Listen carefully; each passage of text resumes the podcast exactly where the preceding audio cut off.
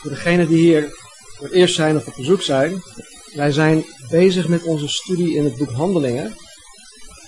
We zijn daarmee in, we zijn in januari begonnen en we zitten momenteel in hoofdstuk 13. Ik vind dat het vrij snel gaat. Ik sla heel veel over. Hoor.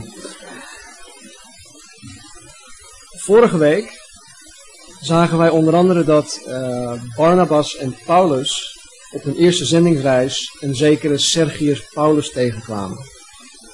Hij was een Romeinse, hij was gouverneur van het eiland Cyprus. En Lucas schrijft dat hij een verstandig man was, een wijze man. En ik had vorige week mijn mening gegeven over wat ik vind dat een verstandige wijze man was. Dus als je dat wil weten, moet je de preek van vorige week nog even beluisteren, staat op internet. Maar ik zeg dat hij inderdaad een verstandig en wijs man was, want hij kwam tot geloof in Jezus Christus. Hij zag de waarheid, hij zag het licht als het ware, en hij zag dat Jezus Christus de enige is die hem redding en leven zou kunnen bieden. En hij greep die kans aan en hij kwam tot geloof in Jezus als redder en Heer.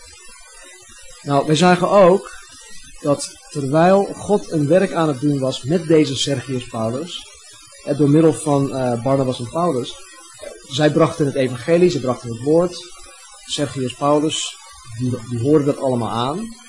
En op dat moment zagen we ook dat Satan bezig was. De duivel was ook bezig, want hij probeerde uh, Gods werk te verhinderen. Dat lagen ze vorige week ook. En hij probeerde dat te, dwarsbomen, te verhinderen door middel van een zekere tovenaar, een valse profeet, en die heet Bar Jezus.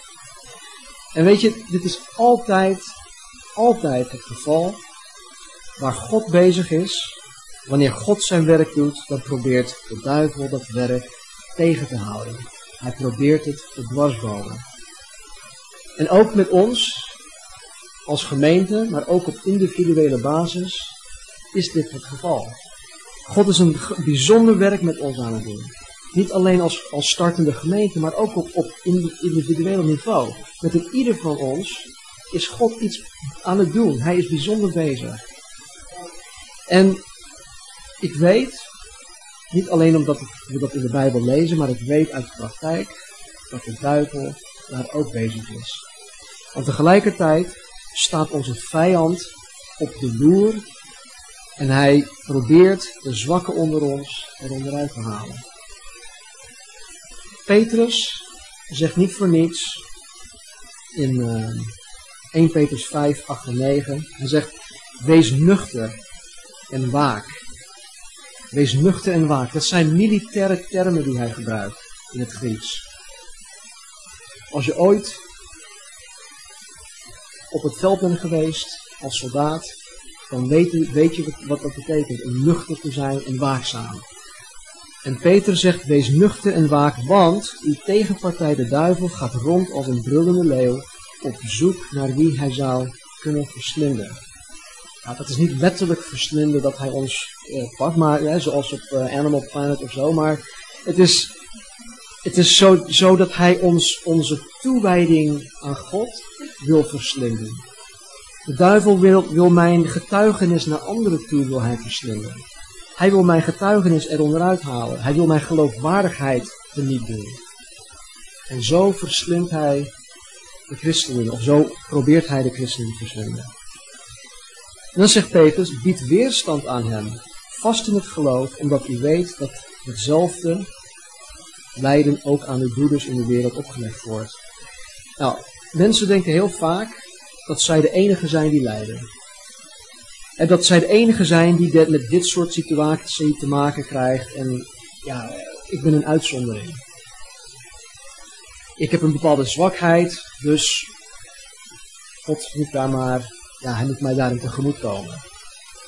Maar Peter zegt hier, hey, weet, jullie weten dat, dat dit voor iedereen geldt. Iedereen in de wereld die zich christen noemt, heeft met dezelfde uh, lijden te maken, met, met, met, verleidingen. We zitten allemaal in hetzelfde schuitje. Dus hij zegt, Bied weerstand vast in het geloof, omdat u weet dat uw broeders in de hele wereld hetzelfde lijden ook uh, krijgen. Waar ze, wat ze daarmee te maken hebben. Nou, volgens Johannes 4, vers 23 is God de Vader op zoek. Hij is op zoek. Hij is actief op zoek naar mensen die hem in geest, en waarheid aanbidden. God is op zoek naar mensen die hem willen aanbidden. Tegelijkertijd is de duivel op zoek naar mensen die hij kan verslinden. Mijn vraag is, door wie laat je je vinden vandaag? Door wie laat je je vinden?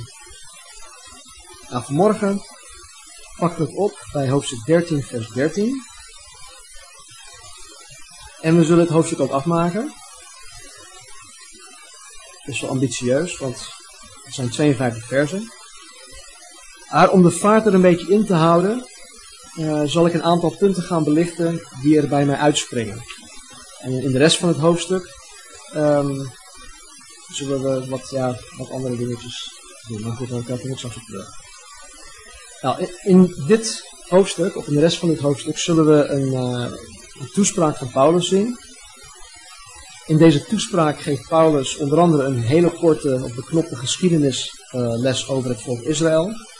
Hoe God hun heeft geroepen, hoe God hen heeft geleid, hoe God hun de lang verwachte Messias heeft gegeven in de persoon Jezus Christus. In de herziene statenvertaling, dat is deze. Um, in, in deze Bijbel staan er verwijzingen naar alle gebeurtenissen die Paulus in zijn toespraak noemt. Maar er staat heel veel in. En wat Paulus hier allemaal noemt, dat haalt hij als het ware uit andere Bijbeltekstgedeelten. Hij haalt het uit het Oude Testament, maar ook uit het Nieuwe Testament. En in de Bijbel staan dan hieronder in hele kleine letters verwijzingen naar waar dat staat in de Bijbel.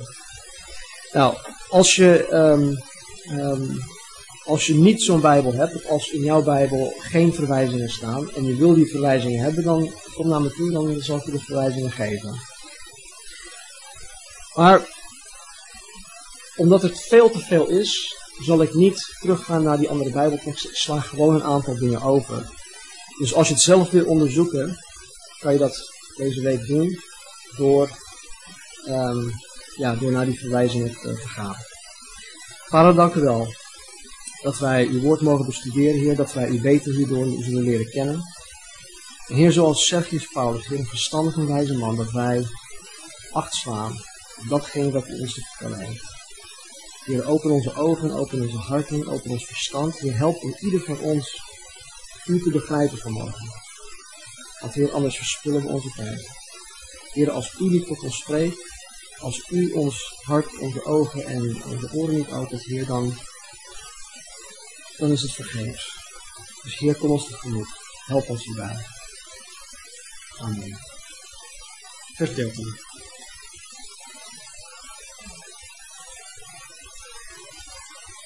En Paulus, en die bij hem waren, voeren van Paphos weg en kwamen in Perge aan, een stad in Pamphylië. Maar Johannes verliet hen en keerde terug naar Jeruzalem. En ze gingen vanuit Perge het land door en kwamen in Antiochië, een stad in Pisidië aan. En ze gingen op de dag van de Sabbat de synagoge binnen en namen daar plaats. Nou, boot, om van Perge te gaan, dat is een, plaats in, uh, op Cyprus, van Perge naar um, uh, van Filia te gaan, of sorry, van Paphos naar Perge te gaan, is een reis, is een boottocht van zo'n 275 kilometer. Dat is, een, dat is geen kort het is niet van, van het vasteland naar Texel toe uh, met, met, de veer, veerboot. Dus dit was nogal een afstand. En van Perge, dus de, plek waar ze dus aankwamen, naar Antiochië in Pisidië, was zo'n 160 kilometer. En dit stuk, die 160 kilometer, hebben ze te voet gedaan goed gemaakt. En zoals wij hier in Nederland gewend zijn met onze fraaie uh, schelpenpaden, nou, dat was daar dus niet zo. Het was een heel ruw landschap, ze hadden te maken met, bergen, met, rivieren waar ze moesten oversteken, meren en dat soort dingen. En ja, het, het was geen pretje, het was geen makkie. Ze moesten um, heel veel dingen ja, ontwijken, uh, rovers en dat soort dingen. En Paulus schrijft over zijn ervaring aan de, de Corinthiërs in 2 Korinthe 11, vers 26 en 27 schrijft hij dit. Hij zegt, vaak was ik op reis in gevaar. In gevaar door rivieren, in gevaar door rovers, in gevaar van de kant van volksgenoten, de Joden, in gevaar van de kant van de heidenen. In gevaar in de stad, in gevaar in de woestijn, in gevaar op zee, in gevaar onder valse broeders, in inspanning en moeite, vaak in slapeloze nachten, in honger en dorst, vaak in veel vasten, in koud en in naaktheid. Dit is wat Paulus meemaakt op zendingsreis. Dus om in die tijd het zendingsveld in te gaan, was geen makkie. Wij zijn als zendeling van de States naar Nederland, naar Nederland toegekomen. Wij klaagden al dat wij in een, wat was het, een vierkamerflat of zo uh, terechtkwamen. Met één toilet waar je je hoofd stoot als je opstaat van het toilet. En nou, daar klaagden wij al over. Waar heb ik het over? Als ik dit dan vergelijk met, met onze situatie, nou, dan, dan is er geen ruimte om te klagen. Dat is niet voor ons. Er was geen sprake van welvaart. Er waren geen gemaksdingetjes. En ze kwamen ver, heel ver trouwens, buiten hun eigen comfortzone. Vers 15. En na het voorlezen van de wet en van de profeten lieten de hoofden van de synagoge tegen hen zeggen, Mannenbroeders, als er bij u een woord van ontmoediging voor het volk is, spreek dan. En toen stond Paulus op, wenkte met de hand en zei, Israëlitische mannen, en u die, de God, u die God vreest, luistert. En dan gaat hij verder met zijn toespraak. Nou, het was in de, in de synagogedienst gebruikelijk om na het voorlezen van de Torah en de profeten, nou de Torah waren de eerste vijf boeken van de Bijbel, de profeten, nou dat zijn de, kleine profeten, de grote profeten, maar ook een aantal van de historische boeken. Het was de gewoonte dat nadat zij een, paal, een aantal gedeelten uit de Torah en de profeten voorgelezen had, dat ze iemand uitnodigde om een woord van bemoediging of een woord van vertroosting of van vermaning aan de gemeente te, te, te, te geven of met de gemeente te delen. Het had wel te maken met datgene dat voorgelezen werd. dus het, was, ja, het, sloot, sloot daarbij aan. Nou, en Paulus grijpt deze kans aan en dan begint hij zijn toespraak. En dan begint hij in vers 17. En nu pakken we een heel stuk tot met vers 41. Wachten blijven, jongens. Nee, ik heb het over specifieke jongens, niet, niet jullie. um, de God van dit volk Israël heeft onze vaderen uitverkoren en het volk verhoogd toen zij vreemdelingen waren in het land Egypte. En hij heeft hen met een machtige arm daaruit geleid. En hij heeft gedurende de tijd van ongeveer 40 jaar hun doen en laten verdragen in de woestijn. En nadat hij, God, in het land Canaan zeven volken uitgeroepen had, verdeelde hij hun land onder hen door het lot. En daarna gaf hij hun ongeveer 450 jaar richters, tot aan de profeet Samuel. En van toen af vroegen zij om een koning. En God gaf hen Saul, de zoon van Kis, een man uit de stam van Benjamin, gedurende 40 jaar. En nadat hij, God, hen had afgezet, verhief hij David voor hen te komen. Hij gaf ook getuigenis van hen met de woorden, ik heb David, de zoon van Isaïe, gevonden, een man naar mijn hart, die alles zal doen wat ik wil. Uit zijn nageslacht, dus uit Davids nageslacht, heeft God voor Israël volgens de belofte de zaligmaker Jezus doen voortkomen. Nadat Johannes voorafgaand aan zijn komst eerst aan heel het volk Israël de doop van bekering gepredikt had. Maar toen Johannes zijn loop aan het volbrengen was, zei hij, Wie denkt u dat ik ben? Ik ben de Christus niet. Maar zie, hij komt na mij, bij wie ik het niet waard ben de schoenen van zijn voeten los te maken. Mannenbroeders, kinderen van het geslacht van Abraham, die onder u God vrezen, tot u is het woord van deze zaligheid gezonden. Want de inwoners van Jeruzalem en hun leiders, die hem, die Jezus miskenden, hebben door hem de oordelen, de uitspraken van de profeten vervuld, die iedere Sabbat voorgelezen worden. En hoewel zij geen reden voor zijn dood vonden, vroegen zij Pilatus hem te laten doden. En toen zij alles volbracht hadden wat er over hem, Jezus, geschreven was, namen zij hem van het hout af en legden hem in het graf. Maar God heeft hem uit de doden opgewekt. En hij is gedurende vele dagen gezien door hen die met hem opgegaan waren van Galilea naar Jeruzalem. en die nu zijn getuigen zijn bij het volk. En wij verkondigen u de belofte die aan de Vader gedaan is, namelijk dat God die vervuld heeft aan ons, hun kinderen, door Jezus te verwekken. Zoals ook in de, de tweede psalm geschreven staat, u bent mijn zoon, heden heb ik u verwekt. En dat hij hem uit de doden heeft opgewekt om niet meer tot ontbinding terug te keren, heeft hij zo gezegd, ik zal u, ik zal u de weldaden van David geven, die betrouwbaar zijn. Daarom zegt hij ook in een andere psalm, u zult die heilige niet overgeven om ontbinding te zien. Immers, David is ontslapen nadat hij in zijn tijd de raad van God uitgediend had. En hij is bij zijn vader gelegd en heeft wel ontbinding gezien. Maar hij, Jezus, die God opgewekt heeft, heeft geen ontbinding gezien. Laat het u dan bekend zijn, mannenbroeders, dat door hem, Jezus, aan u vergeving van de zonde verkondigd wordt. En dat ieder die gelooft, door hem gerechtvaardigd wordt in alles waarin, waarvan u door de wet van Mozes niet gerechtvaardigd kon worden. Let dan op dat u niet overkomt wat er gezegd is in de profeten. Zie, verachters of spotters, verwonder u en verdwijn, want ik verricht een werk in uw dagen, een werk dat u niet zult geloven als iemand het u vertelt. En tot zover. Er zijn een aantal dingen die mij opvallen in deze toespraak. En ja, het is een soort vogelvlucht van, van wat Paulus hier zegt. Anders uh, blijven we hier nog wekenlang mee bezig. Er zijn dus een aantal dingen die mij opvallen. Nou, ten eerste zie ik dat Paulus deze mensen, hè, zijn, zijn, zijn toehoorders, is dat goed, ja? Zijn toehoorders um, aanspreekt in hun taal. Hij weet, deze mensen zijn bekend met het Oude Testament. Ze zijn bekend met wat er in de afgelopen 18 jaar gebeurd zijn, is in Jeruzalem. En hij spreekt hen aan in hun eigen taal. Hij spreekt hen op een ja, voor hun relevante manier toe. En wat hij doet, en dit is, daar is Paulus echt meester in, hij past zich aan aan de situatie waarin hij zich bevindt. Hij is in de synagoge, hij zit onder de Joden, dus hij, hij is daar als Jood. Hij is trouwens Jood, hij is fariseer de fariseeën, maar goed, hij past zich daar dus aan. In um, 1 Corinthians 9, vers 19 tot 22, zegt Paulus dit. Want hoewel ik vrij ben van allen, heb ik toch mezelf voor allen tot slaaf gemaakt. Dat vind ik wel mooi. Hij zegt, hoewel ik vrij ben van allen. Dat betekent niet dat hij geen verantwoording moet afleggen aan, aan andere mensen. Nee, hij zegt gewoon, joh, ik ben vrij van alle trends. Ik ben vrij van alle, alle winden die, die waaien. Ik hoef niet per se mee te doen met die groep. Ik hoef ook niet mee te doen met, met die trend of met dit of met dat. Ik ben vrij van dat soort dingen.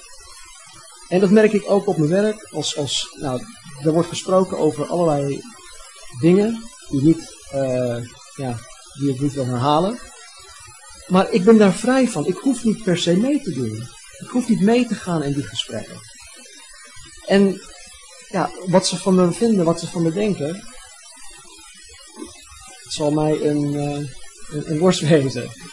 Uh, dus ik ben daarvan vrijgemaakt. En daar ben ik zo dankbaar voor, want ik weet wat het was om als, uh, vooral als, als tiener zijnde, hè, hoe, hoe je onder druk wordt gezet, vooral op de middelbare school, om mee te doen.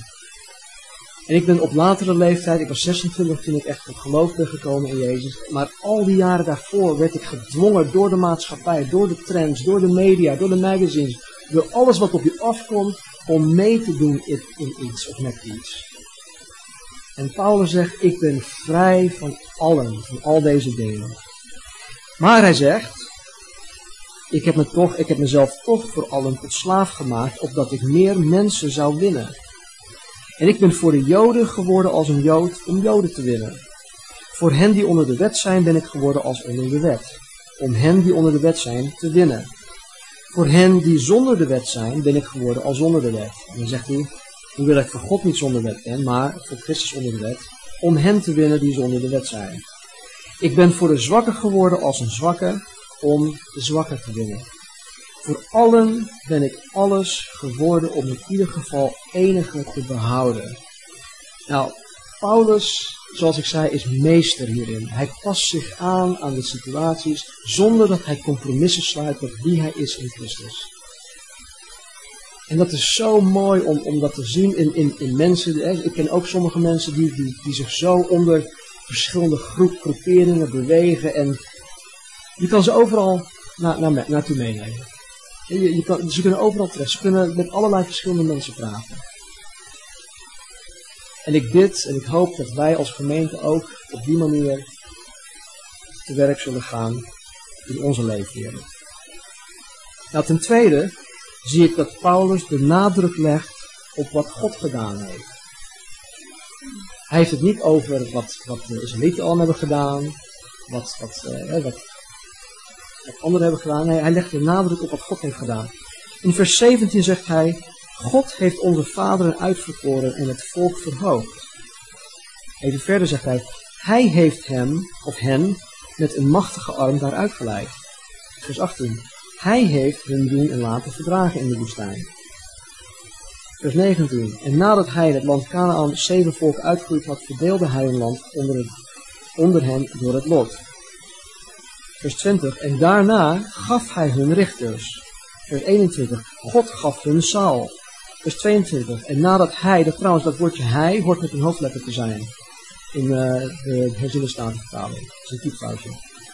Vers 22. En nadat hij hem had afgezet, verhief hij David voor hem tot koning. Hij gaf ook getuigenis van hem met de woorden, ik heb David tot zoon van Isaïe gevonden, een man naar mijn hart, die alles doen zal wat ik wil. Vers 23. God heeft volgens de belofte de zaligmaker Jezus doen voortkomen. Vers 30. God heeft hem uit de doden opgewekt. Vers 32. De belofte die aan de Vader gedaan is, heeft God vervuld door Jezus te verwekken. Vers 34. En God heeft hem uit de doden opgewekt. Dus de nadruk ligt op datgene dat God gedaan heeft. Dus dat is het tweede ding wat, wat, wat bij mij, uh, wat, wat mij opvalt. En eh, weet je, er zijn, um, het is heel makkelijk als wij ons geloof met, met mensen delen, om, om, er, ja, om, om het te hebben over dingen waarvan we denken van oké, dit is niet uh, afstotelijk of afstotend. En ja, hiermee, uh, ja, ik, moet heel voorzichtig zijn. Want ja, ik wil, ik wil hun ook niet afstoten, ik wil hun ook niet bang maken, ik wil hun ook niet laten afschrikken. En ik, ik begrijp dat volkomen. die gevoelens, die momenten heb ik ook. Maar datgene wat mensen aanspreekt, wat hun hart betreft, is wat God gedaan heeft. Vertel wat God in je eigen leven gedaan heeft. Ik heb een getuigenis. Ik, heb een, ik, ik kan boeken schrijven over wat God al in mijn leven heeft gedaan. Niet voor niets dat Johannes zegt, deze dingen heb ik, heb ik vastgelegd in mijn, in mijn evangelie. We konden wel miljoenen boeken schrijven over alles wat Jezus heeft gedaan. En, en ieder van jullie, jullie hebben ook een verhaal. Vertel dat verhaal aan mensen. Vertel wat God in jouw leven gedaan heeft. Ik ben op 26-jarige leeftijd pas dat geloof gekomen. Ik heb een historie van 26 jaar. Als ik niet tot geloof was gekomen, had ik er een puinhoop van gemaakt. Dan had ik twee dochters, was ik gescheiden van Marnie, dan had ik Alyssa en Kendall nooit, nooit gekregen. Dan stond ik hier ook niet. Dan was ik net zoals mijn, al mijn andere vrienden waarschijnlijk nog steeds met foute dingen bezig. Hele foute dingen. Al mijn vrienden die ik ken vanuit mijn, vanuit mijn vorige leven, die, die zijn nog steeds, die zijn, die zijn 43 en die gaan nog steeds, die, doen nog steeds dezelfde dingen. Dat is zo triest. En als ik God niet had gevonden, of als hij mij niet had gevonden, dan had ik geen verhaal. Maar ik heb een verhaal. En Paulus zegt hier dan allemaal wat God heeft gedaan. Niet over zijn persoon, maar hij spreekt hier over het volk Israël. Dus vertel wat God allemaal in je leven heeft gedaan. En dat spreekt mensen aan. Nou, dan zijn er nog een paar dingen. Vers, 30 en 31.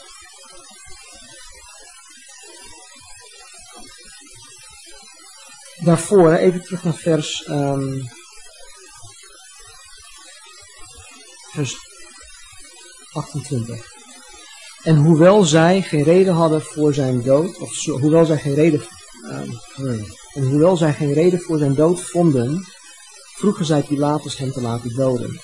En toen zij alles volbracht hadden wat er over hem geschreven was, namen zij hem van het hout af en legden hem in het graf. En dan begint vers 30 met maar God. Die twee woorden, maar God, dat kan je hele leven veranderen. Dat kan elke omstandigheid, dat kan elke situatie in je leven veranderen. Wat er ook vooraf komt, je kan een heel verhaal vertellen. Als je dan zegt, maar God, dan verandert alles. God is bij macht om alles te veranderen in ons leven. Nou, deze man, deze man Jezus, was gedood. Hij hing aan het kruis. Ze hadden hem een paar keer gestoken met, met een speer. Ja, nou, hij is inderdaad dood. Ze legden hem in een graf.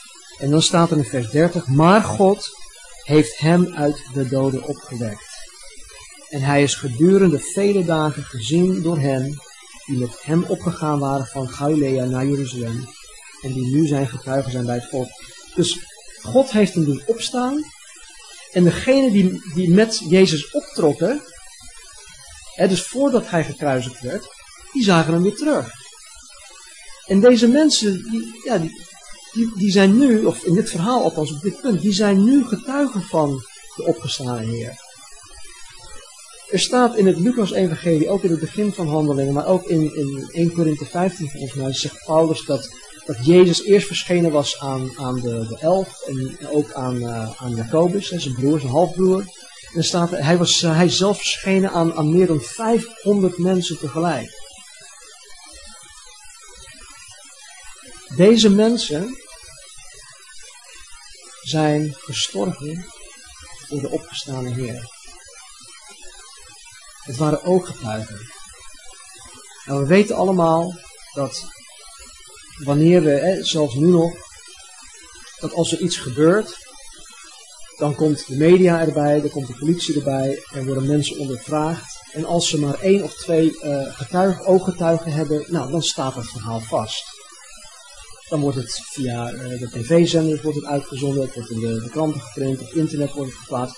Want het is een betrouwbaar verhaal, want het is door twee of meerdere ooggetuigen is dat vastgelegd.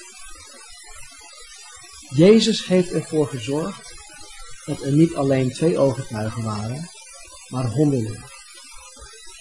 En wat er in de Bijbel staat over de opstanding van Jezus, is niet alleen, ja, ik, ik kan het wel zeggen, maar de Bijbel, er zijn meer archeologische bewijzen van de Bijbel en de echtheid van de Bijbel dan, dan welk boek dan ook uit de um, ancient books, uh, uit de oudheid. Alle andere um, um, godsdiensten, religies, het is allemaal van horen zeggen. Er is zoveel bewijs. Zoveel bewijs als we ja, in een van de, de, de toekomstige studies over dit soort dingen, zullen we ook cursussen waarschijnlijk geven over, over dit soort dingen. En zodat we op een intelligent niveau, op een, op begrijpelijk niveau, mensen kunnen hierover kunnen, kunnen praten. Want mensen hebben vragen. Hoe zit dat dan? Ik heb dit gehoord en dat gehoord. En ze hebben van horen zeggen dat dit en dat de Bijbel niet betrouwbaar is, want er zijn zoveel tegenstrijdigheden in de Bijbel. Nou, wij kunnen daar met mensen over praten. En niet zomaar omdat we het ergens gehoord hebben. Nee, wij kunnen met bewijzen komen. Dingen die zelfs uh, door, door ongelovige archeologen en, en, en dat soort dingen, scientists, um, wetenschappers, die dingen gewoon hebben bewezen. Goed, dat is voor een andere keer. Je, of Jezus is uit de dood opgewekt. Nou, in januari, toen we deze studie begonnen, zei ik dat de opstanding van Jezus centraal staat in het boek Handelingen. En hier zien we dus alweer dat de opstanding gepredikt wordt, dat het centraal staat in deze blijde boodschap die Paulus geeft in de synagoge. Hij, geeft het, hij brengt het evangelie. Ik denk dat het voor ons, voor christenen, makkelijk kan zijn om de opstanding van Jezus als, uh, als te vanzelfsprekend te beschouwen. En we hebben het er heel vaak over. Al hebben we het er niet over tijdens de dienst, nou hier dan wel. Maar al hebben het, er zijn mensen die alleen maar op Pasen of, of met, met kerst in de kerk komen. Nou, met Pasen heb je het dan over de opstanding van Jezus. Maar wij hebben het er vaker over. En misschien heb je het al je hele leven gehoord. dat Jezus is opgestaan. Je bent in de, in de zondagschool daarmee opgegroeid. Jezus is opgestaan, Jezus is opgestaan. En, en misschien heeft het geen impact meer op ons leven. Misschien heeft het geen impact meer op wie wij zijn als christenen. Misschien heeft het geen impact meer op, op hoe ik mij gedraag. Misschien zijn we onverschillig geworden ten aanzien van de opstanding. En misschien bepaalt het niet meer wie wij zijn als christenen. Dat kan. Paulus zegt in 1 Corinthians 15, in 14 en 17, als Christus niet is opgewekt, dan is ook onze prediking zonder inhoud. En zonder inhoud is ook uw geloof. In vers 17 zegt hij, en als Christus niet opgewekt is, is uw geloof zinloos. Het is zinloos. U bent dan nog in uw zonden. Als we even een moment nemen, nu, om daar stil te staan, om bij stil te staan. Ik denk dat als we erbij stilstaan, dan komen we al gauw genoeg tot het besef dat als Jezus niet uit de dood is opgewekt, dat wij een religie hebben of een godsdienst, net als alle andere godsdiensten in de wereld. Die als het ware een dode God dienen. Mohammed ligt nog steeds in zijn graf. Confucius, Boeddha, Krishna. Ze liggen nog allemaal in hun graf. Ik denk dat we ook gauw beseffen dat Jezus niet meer, als, als hij niet was opgestaan, dat hij niet gezeten is aan de rechterhand van de Vader. Dan pleit hij mij niet meer vrij. En dan bidt hij ook niet voor mij zoals er staat in Hebreeën hoofdstuk 7. Dan zou God gelogen hebben. Want God zegt in de Bijbel dat hij Jezus zou opwekken uit de dood. Dat staat in het Oude Testament. En Jezus zei ook in het Nieuwe Testament, breek deze tempel af en in drie dagen zal ik het weer opbouwen. Dan zouden we hem tot een leugenaar maken. Dan zou hij gelogen hebben dan zou de duivel als het ware gewonnen hebben, want hij heeft de redder en verlosser gedood. Punt uit. Einde verhaal. Dan zouden wij geen toekomst hebben. En want dan zou Jezus de gemeente niet meer opnemen. Hij zou ons niet meer komen terughalen. Dan zou hij zijn koninkrijk hier op aarde ook niet meer vestigen. Wanneer hij voor de tweede keer terugkomt. We zouden geen toekomst hebben. Dan hebben wij niemand om over te zingen dan hebben wij niemand om te bezingen. Dan hebben wij niemand om naartoe te rennen. Dan hebben wij niemand om te aanbidden. Want alleen door ons geloof in de opgestane Heer hebben wij toegang tot de Vader. We zouden niks meer hebben. Dit zou niets meer zijn dan een vereniging of een sociaal clubje en hoeveel van ons zouden er nog overblijven? Ik denk niet dat jullie hier vandaan komen. Dat hoop ik niet. Waar zouden we zijn zonder de opgestane Heer? De opstanding, hè? zoals ik zei, het is makkelijk om daar onverschillig in te worden. Maar in februari dit jaar is er een 17-jarige jongen gestorven het is een jongen die we kenden. En om een 17-jarige jongen levenloos te zien liggen in zijn doodskist, is heel onwerkelijk. Het is heel onwerkelijk. Want ja, een 17-jarige jongen die hoort springlevend te zijn. Maar de dood kwam voor deze jongen en geen van ons kon daar iets aan veranderen. Geen van ons kon daar iets aan doen. Dus wanneer iemand, in dit geval in ons verhaal, in dit geval Jezus uit de dood is opgewekt, na drie dagen in een graf gelegen te hebben, dan is dat zeker een big deal. Het is een big deal. Mensen, het is spectaculair. En wij horen hier nooit op uitgekeken te zijn. Wij horen hier nooit passief of onverschillig over te zijn. Jezus is opgestaan. Hij leeft. Er is een lied van een zekere Terry Clark. En het heet Jesus is Alive.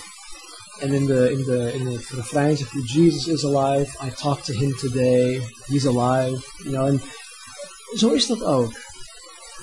Ik sprak vanmorgen ook nog met hem. Hij leeft. Vers 38.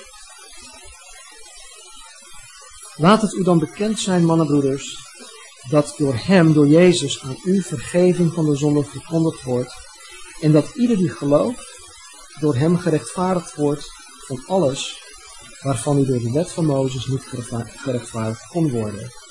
Zover. In Jezus is het mogelijk voor de mens om geheel vergeven te worden van zijn of haar zonden en gerechtvaardigd te worden. Met andere woorden, onze zonden, alles, maar dan ook alles dat wij ooit verkeerd hebben gedaan. Alles dat wij ooit tegen Gods normen en waarden in hebben gedaan, wordt door mijn geloof, door ons geloof in Jezus Christus, volkomen uitgewist. Helemaal uitgewist. Dat kan ik niet beseffen. Het gaat mij, mijn verstand, alles wat ik ben, gaat, gaat mij boven. Maar het is zo. Het staat er en ik heb het ook zo ervaren. Op het moment dat wij ons van ons oude leven bekeren en God om vergeving vragen, dan beginnen wij met een schone lei. We beginnen helemaal opnieuw. Dat is één. Maar er is nog meer. Het wordt steeds beter. Wij zullen gerechtvaardigd worden. Dat betekent dat ik niet alleen met een schone lei opnieuw mag beginnen, maar dat ik zelfs door God als een volkomen rechtvaardig mens gezien word. Nou, als de vergeving mijn petje al te boven gaat, nou, dit helemaal. Want als ik elke ochtend naar mezelf kijk in de spiegel, met al mijn tekortkomingen, met mijn falen, hoe kan God mij dan als rechtvaardiger zien? En toch is het zo. Niet omdat het er staat, maar ik ervaar het ook in mijn hart. Door Jezus Christus te omhelzen, door Hem te gehoorzamen, ziet God mij als een 100% rechtvaardig mens. Mensen, dat is goed nieuws. Dat is het evangelie, de blijde boodschap. Er staat in 2 Korintiërs 5, vers 21 dit. Want God nam Christus, die geen zonde gedaan had. Jezus Christus was 100% zondeloos. Hij nam die Jezus, die geen zonde gedaan had, en belastte hem met onze zonde. Hij heeft mijn zonde op hem gelegd. Hij is voor mij gestorven. Hij heeft de straf gekregen die ik verdien. En in ruil daarvoor rekent God de rechtvaardigheid van Christus aan ons toe. Dus het, mensen, het, is de, de, de, deal van de, van de eeuwen. Ik mag mijn zon, ik mag al mijn zonden mag ik aan hem geven. Ja, oeps, alles mag ik aan hem geven. Hij neemt het op zich. En zijn rechtvaardigheid geeft hij aan mij. Gratis. Ik hoef er niks voor te doen. Het is een cadeau. Maar wij als Nederlanders houden van gratis, toch? Wij houden van gratis. Volgens het oude offersysteem, en we hebben het hier nog steeds over de Joden, was het alleen nog maar mogelijk om van de buitenkant van zonde gereinigd te worden. Maar van binnen bleven de mensen zondaars, eh, hun geweten werd niet gereinigd. Ze bleven schuldig, ze bleven zich schuldig voelen. Ze, ze bleven rondlopen met een kwaad geweten. De zonden werden slechts bedekt, maar ze werden niet volkomen uitgewist. Bovendien waren er ook zonden, zoals onder andere moord, overspel, waarvoor geen offer mogelijk was. Deze dingen verdienen de doodstraf. Er zijn mensen, ik denk dat dit waarschijnlijk de meerderheid omvat, mensen die ik tegenkom, mensen die ik hierover spreek. Die zeggen dan, ja maar ik ben geen zondaar. Zondaar, dat, dat, dat klinkt zo heftig. Ik ben geen zondaar. Ik ben op zich toch een goed mens. Ik, ik ben trouw aan mijn echtgenote, of ik ben een goede vader, of ik ben een goede moeder, of ik ben een goede zoon of dochter. Ik, ik geef ook aan de Hartstichting. Uh, nou, ze noemen allerlei goede dingen. En absoluut, eervol. Eervol zijn deze dingen. Dezezelfde mensen zeggen zelfs, ja, ik, ik durf zelfs te zeggen dat ik wel rechtvaardig ben. Dat kan. We kunnen momenten hebben dat we rechtvaardig zijn. Maar toch zegt God tegen deze mensen, en dit, dit is hard, dat komt bij mij heel hard aan, toen ik. In Romeinen vers, hoofdstuk 3 vers 10 zegt de Bijbel, er is niemand rechtvaardig, ook niet één. Ik dus ook niet. In Jesaja staat er iets moois. Het is een beetje, ja, hoe zeg je dat, graphic. Het is een beetje ja, erg om te lezen. Er staat, wij allen zijn onrein. Onze gerechtigheid is als het kleed van een menstruerende vrouw. In onze volksmond is het net zoals we zeggen van, joh, mijn gerechtigheid is als maandverband. En niet schoon maandverband, hè?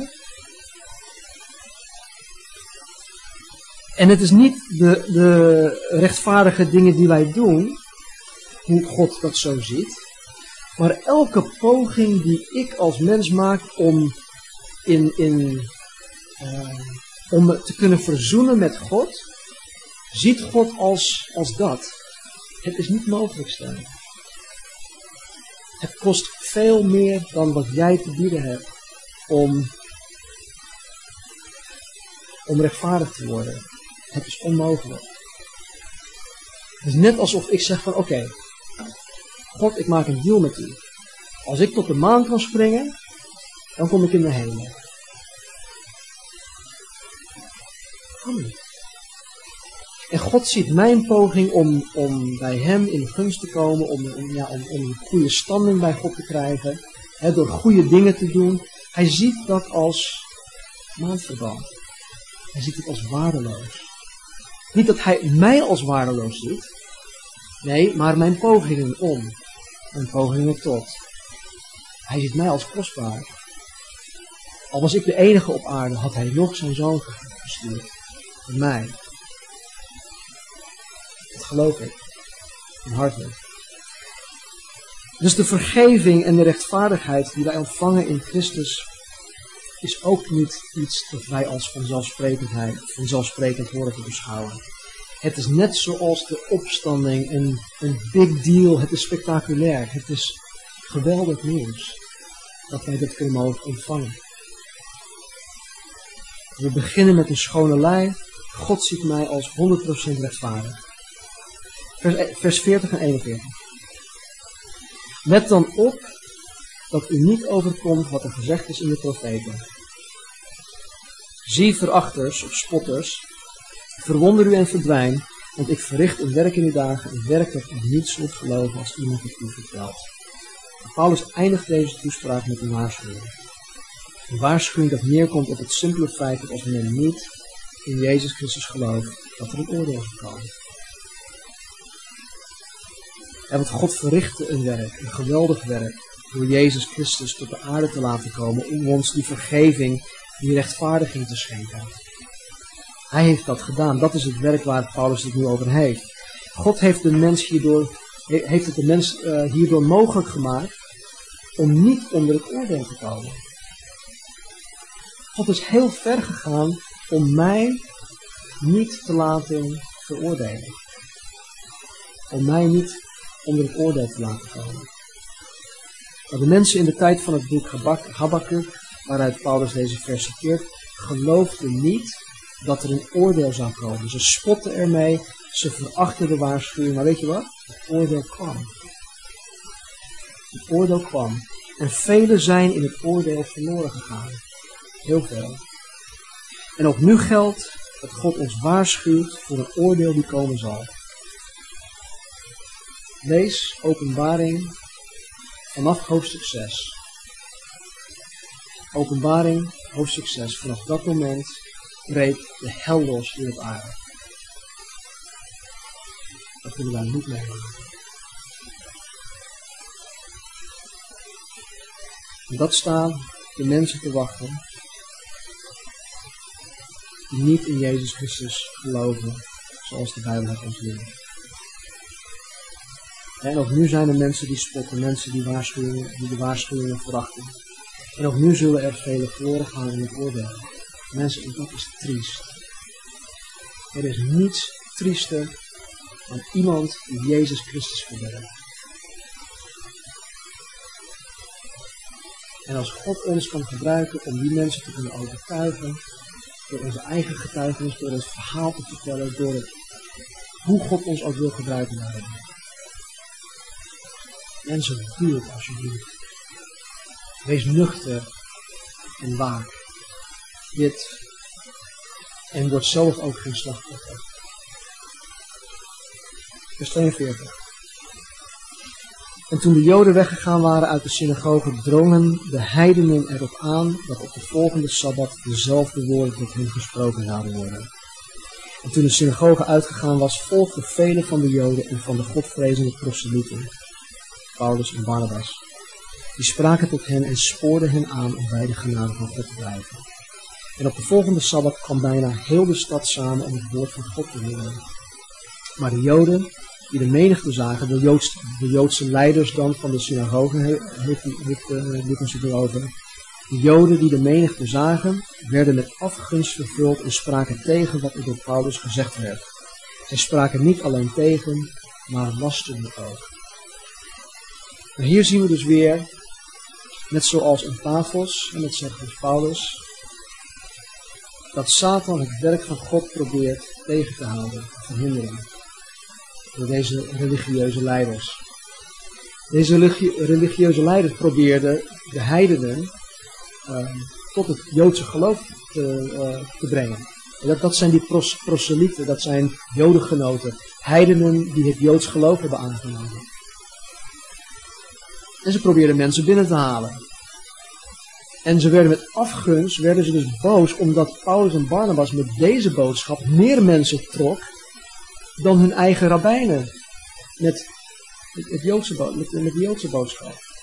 Dus ze werden vervuld met afgunst. En ze spraken tegen wat er door Paulus gezegd werd. Ze spraken niet alleen tegen, maar lasterden ook. Vers 46. Maar Paulus en Barnabas zeiden, vrijmoedig, het was nodig dat het woord van God eerst tot u gesproken zou worden. Maar aangezien u het verwerkt en, en u zelf het eeuwige leven niet waardig oordeelt, zie, wij wenden ons tot de heidenen. Zo immers heeft de Heer ons geboden. Ik heb u gesteld tot een licht voor de heidenen, opdat u tot zaligheid zou zijn, tot aan het uiterste van de aarde. Toen nu de heidenen dit hoorden, verblijden zij zich en prezen het woord van de Heer, en er geloofden er zoveel als er bestemd waren voor het eeuwige leven. En het woord van de Heer verbreidde zich door heel het land, maar de Joden stookten de godvrezenden en aanzienlijke vrouwen, de voornaamste van de stad, op en ontketenden een vervolging tegen Paulus en Barnabas en zij verdreven hen uit het gebied. Maar zij schudden tegen hen het stof van hun voeten af en gingen naar Iconium. En de discipelen werden vervuld met blijdschap en met de Heilige Geest.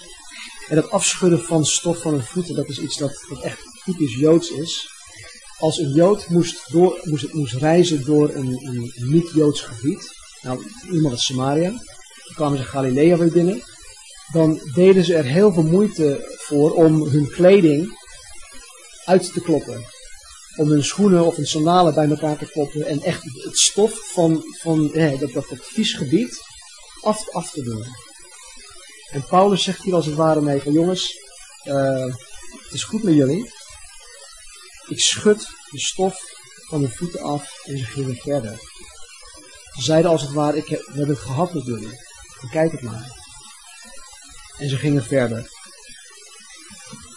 En de discipelen werden vervuld met blijdschap in de Heilige Geest. Dat is altijd het gevolg van het aanvaarden, het accepteren van de blijde boodschap. Waarom? Omdat er een hele last van je afkomt. De last, de schuldgevoelens, alles wat je, wat je je hele leven lang meegedragen hebt, is in één moment weg. Dat je begint te vreugde, vervuld zijn met de Heilige Geest. Laten we bidden. Vader, ik dank u voor uh, hoofdstuk 13. Het nauwkeurig verslag leren van, uh, van uw dienstgroep Lucas, die het zo mooi heeft vastgelegd. Dank u, Vader, dat Paulus en Barnabas een, een geweldig voorbeeld zijn voor ons. Waarvan zoveel kunnen leren. Maar heren, allerbeste Heer, en het, ja, waar ik het meest dankbaar voor ben. Ik dank in u. Heer, dat u zo ver bent gegaan om mij te redden. Heer, om mijn leven te veranderen. Heer, om alle, alle levensvragen die ik, die ooit heb gehad, Heer, om deze te beantwoorden. O Heer, wat ben ik rijk. Heer, voor allen die hier geloven, Vader, dank u dat u onze ogen heeft geopend. Heer, dat u ons uit de duisternis heeft gebracht in het koninkrijk van het licht. Dat u ons uit de leugen heeft gebracht, Heer, en in de waarheid heeft geplaatst. Uit de dood in het leven. Heer, ik dank u daarvoor. Heer, help ons om onszelf aan te passen aan elke situatie waarin we ons bevinden. Heer, om ja, getuige te zijn. Geef ons de creativiteit, geef ons de woorden, de wijsheid, Heer, de kennis, de ervaring, Heer, om, om ja, gewoon getuige te zijn waar, waar we komen. Help ons, Heer, te zien wat U gedaan heeft in ons leven. Herinner ons weer, Heer, wat, U in ons leven, ons eigen leven heeft gedaan. Heer, dat we daardoor weer ja, excited mogen worden. En dat we dat weer door mogen vertellen aan anderen. Heer, help ons om de opstanding niet als vanzelfsprekend te beschouwen. Maar Heer, echt te zien als iets spectaculairs. O Heer, ik weet dat als het vandaag de dag zou gebeuren, Heer, dan, zou het gigantisch nieuws zijn, Heer. Gigantisch nieuws. Help ons om dat niet als zelf, vanzelfsprekend te beschouwen. Ook niet uw vergeving, Vader. Dat we met een schone lijn mogen beginnen. Heer, dat we als rechtvaardig worden verklaard. Alleen maar omdat wij ons wenden naar u zouden. Alleen maar omdat wij zeggen, Heer, ik geloof u. Ik bekeer van mijn oud leven. Ik wil in u geloven. Hoop in u te volgen. Dat maakt ons mooi. Dat geeft ons uw leven. Dus dat geeft ons 100% rechtvaardigheid. Heer, help ons. Help ons om daarin te wonen. Help ons om uw waarschuwing in acht te nemen.